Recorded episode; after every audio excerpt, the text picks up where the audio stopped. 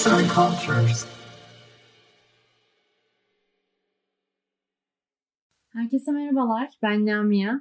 Umarım keyfiniz yerindedir. Bugün sizlere Dorian Gray'in portresi aslında neyi anlatıyordu? Dorian'in hayatı üzerinde hangi akımların izlerini bulabiliriz? Bunlardan bahsedeceğim. Şimdiden hepinize keyifli dinlemeler diliyorum. Yazımıza ilk olarak kitaptan bir iki cümleyle başlıyoruz. İlki şu şekilde. Ruh ve bedenin uyumu ne kadar önemlidir. Bu ikisini birbirinden ayırıp hoyrat bir gerçekçilik ve bomboş idealizm yaratmamız ne büyük delilik. Bir diğeri de her şeye inanabilirim, yeter ki inanılmaz olsun.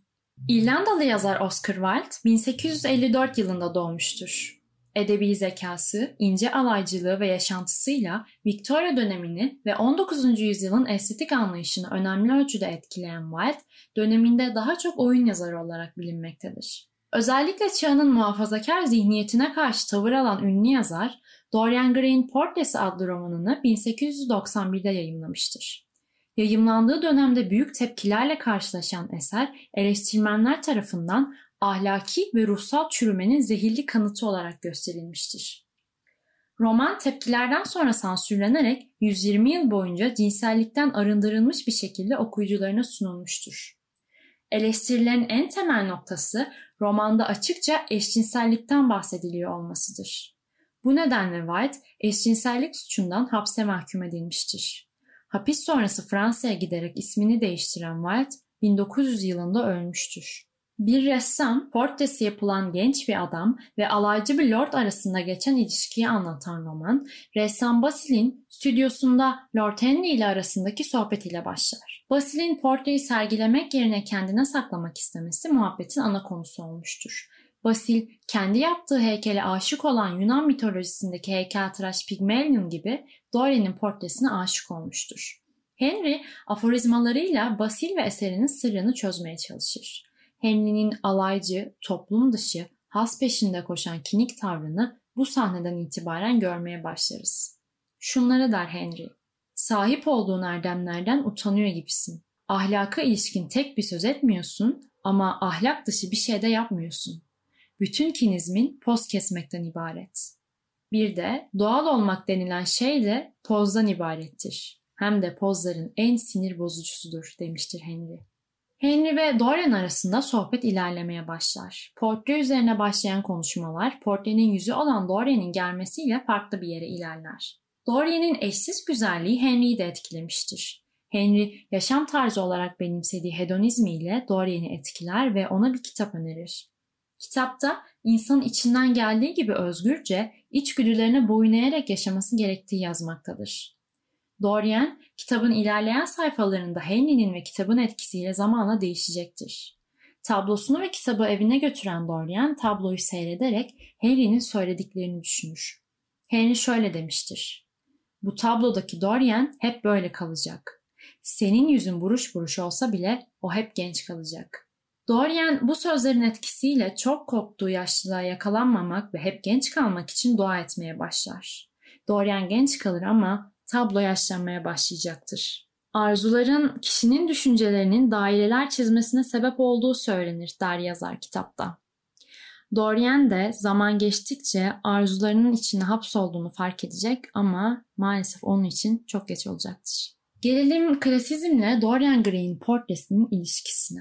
Dorian Gray'in portresinin edebiyat akımlarıyla olan ilişkisini incelemek eseri daha iyi tanıma olanağı verecektir.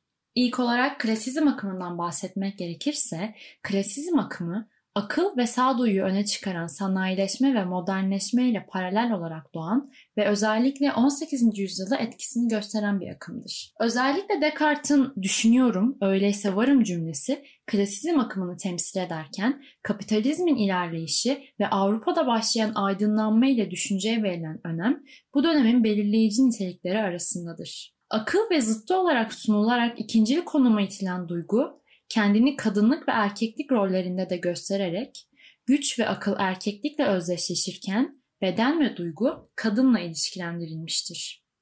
Edebiyatta ise doğaya ait olan mitler akla uygun bir şekilde sunulmaya çalışılmıştır. Çirkinliğe ve bozukluğa yer yoktur. Çirkinlik eğer varsa da düzeltilmelidir. Doğa da tıpkı çirkinlikte olduğu gibi güzellikle yer değiştirmeli, terbiye edilmeli, insan iradesinin bir sonucu olarak okuyucuya, alımlayana sunulmalıdır. Klasizmde simgelenen bir şey mükemmel olmalıdır. Bir varlığın en üst halini temsil etmesi itibariyle klasizm ve Dorian Gray'in portresinde birçok öge birlikte var olur. Klasizm bir eserin, bir fikrin ya da sadece bir varoluşun en üstün halini oluşturur. Bu niteliğiyle klasizmde sonsuza ulaşma isteği içkindir. Topluma örnek teşkil ederek doğayı terbiye etmeye, dönüştürmeye çalışan normlar bütündür. Bu bağlamda sanatı değerlendirirken toplumun üst sanat eserlerini kabul eden bir yer olması itibariyle müzeler ön plana çıkar. Louvre Müzesi'nde sergilenen antik Yunan heykelciliğinin en güzel eserlerinden biri Venüs de Milo yani Milos Venüs'ü klasik bir eseri anlatmak için örnek olarak gösterilebilir. En güzel biçime sahip olduğu düşünülen bir kadın o haliyle heykelleştirilir ve sanatın ölçülerini, normlarını belirleyen bir müzede sunulur. Dorian Gray'in portresine baktığımızda da Dorian en güzel, en üstün haliyle yaşamda donmak istemektedir. Basil de hem eserine hem Dorian'e bu mükemmellik nedeniyle aşık olmuştur. Dorian kitabın giriş bölümünde güzel ve gençken doğal olmaktan uzak bir şekilde yalnızca bir meta gibi bize Basil tarafından anlatılmaktadır. Basil, Dorian'ı en güzel haliyle saklamak ister. Dorian de aynı arzunun peşindedir. Oysa insanın en mükemmel haliyle kalma ideali hayatın dinamizmine aykırıdır. Klasik edebiyatın en önemli ögelerinden biri olan sabit kalma, doğanın işleyişini durdurma, dinamizme, hayatın ve gerçekçiliğin işleyişine aksi bir noktada durur. Doğasından sıyırarak biçime sokulan ve ideal olana ulaştırılması gereken klasik eser, Milo örneğinde doğurmamış olan, doğanın izlerini taşımayan bir kadın olarak karşılığını bulur. Klasizmde var olan doğaya mesafe, bedene mesafe ile birlikte değerlendirilebilir.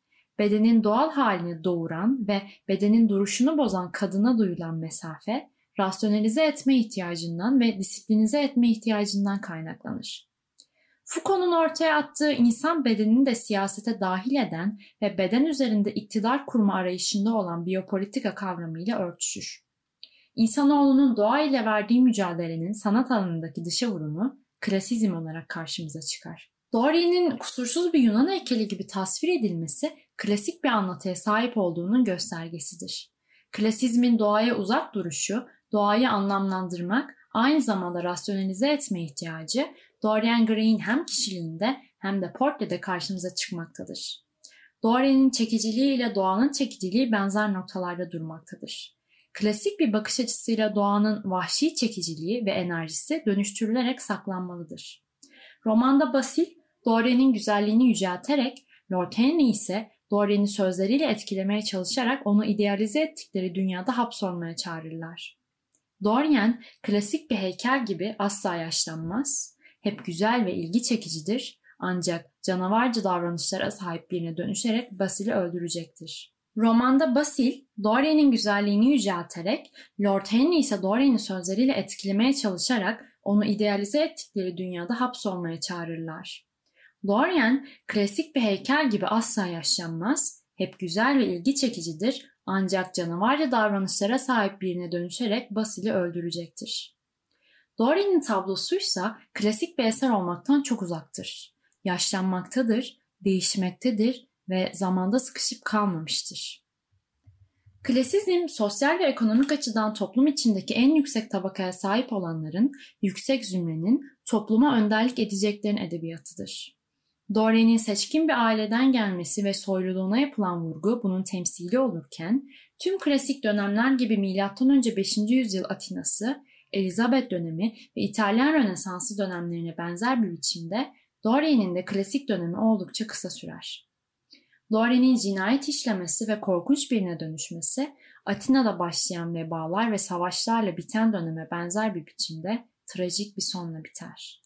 Tarihin gösterdiği gibi Dorian'de de klasizm çok kısa sürmüştür. Kitabın sonlarına doğru şöyle düşünür Dorian. Acı olansa insanın çoğu zaman tek bir hata için çok fazla bedel ödemek zorunda kalmasıydı. Aslına bakılırsa insan tek bir hata için sürekli bedel ödeyip duruyordu.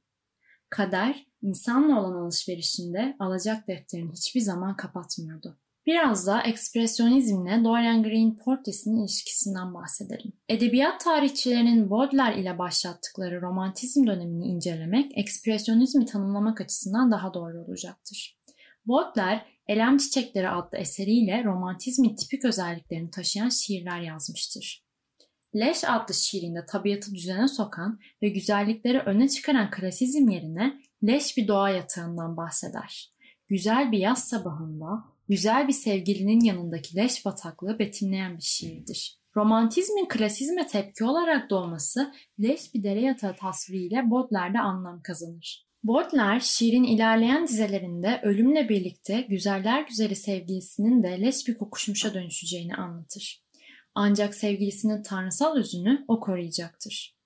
Romantizmde var olan sanatçının ve sanat eserinin daima yaşatılması imgesi burada da vardır. Sanatçı, güzelliği edebiye taşıyacak kişidir. Sevgili leşe dönüşse bile güzellik sonsuza kadar sanatçıyla kalacaktır. Hem sanatçı hem eseri ölümsüzleşecektir. Bu bağlamda Leş şiiriyle Dorian Gray'in portresi arasında metinler arası bir ilişki kurulabilir. Harry'nin bu tablodaki Dorian hep böyle kalacak, senin yüzün buruş buruş olsa bile o hep genç kalacak cümlesi romantik bir istenç olarak yer almaktadır.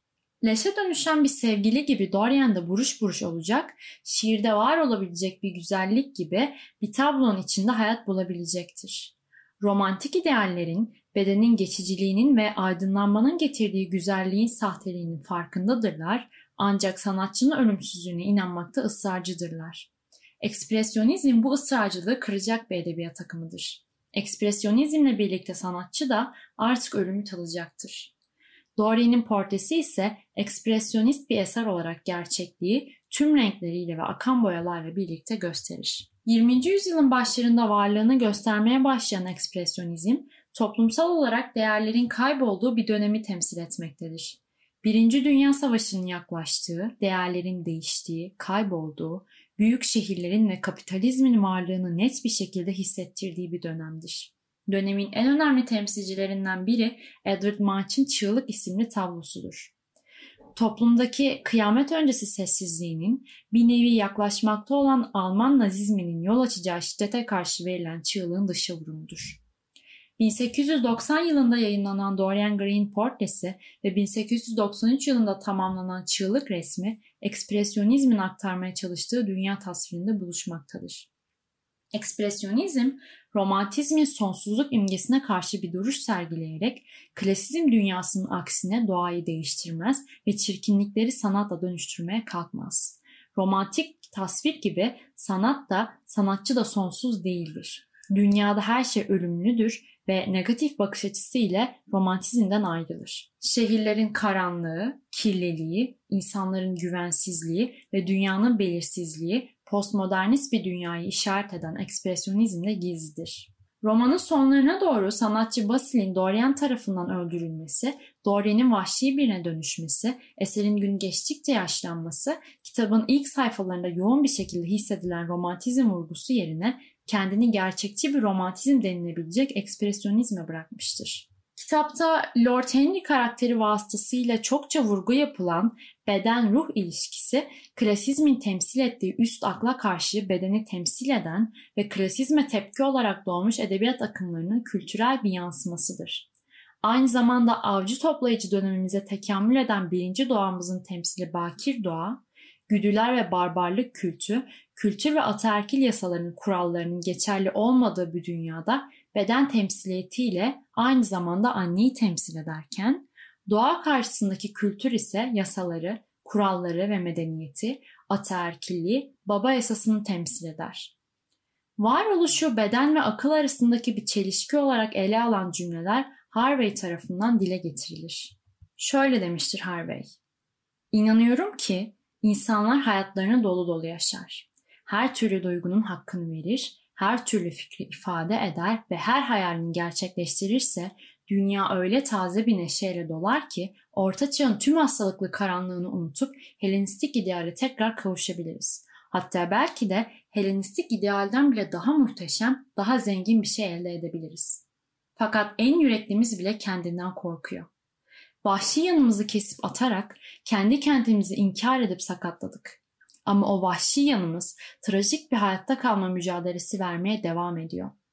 İnkar ettikçe cezalandırılıyoruz.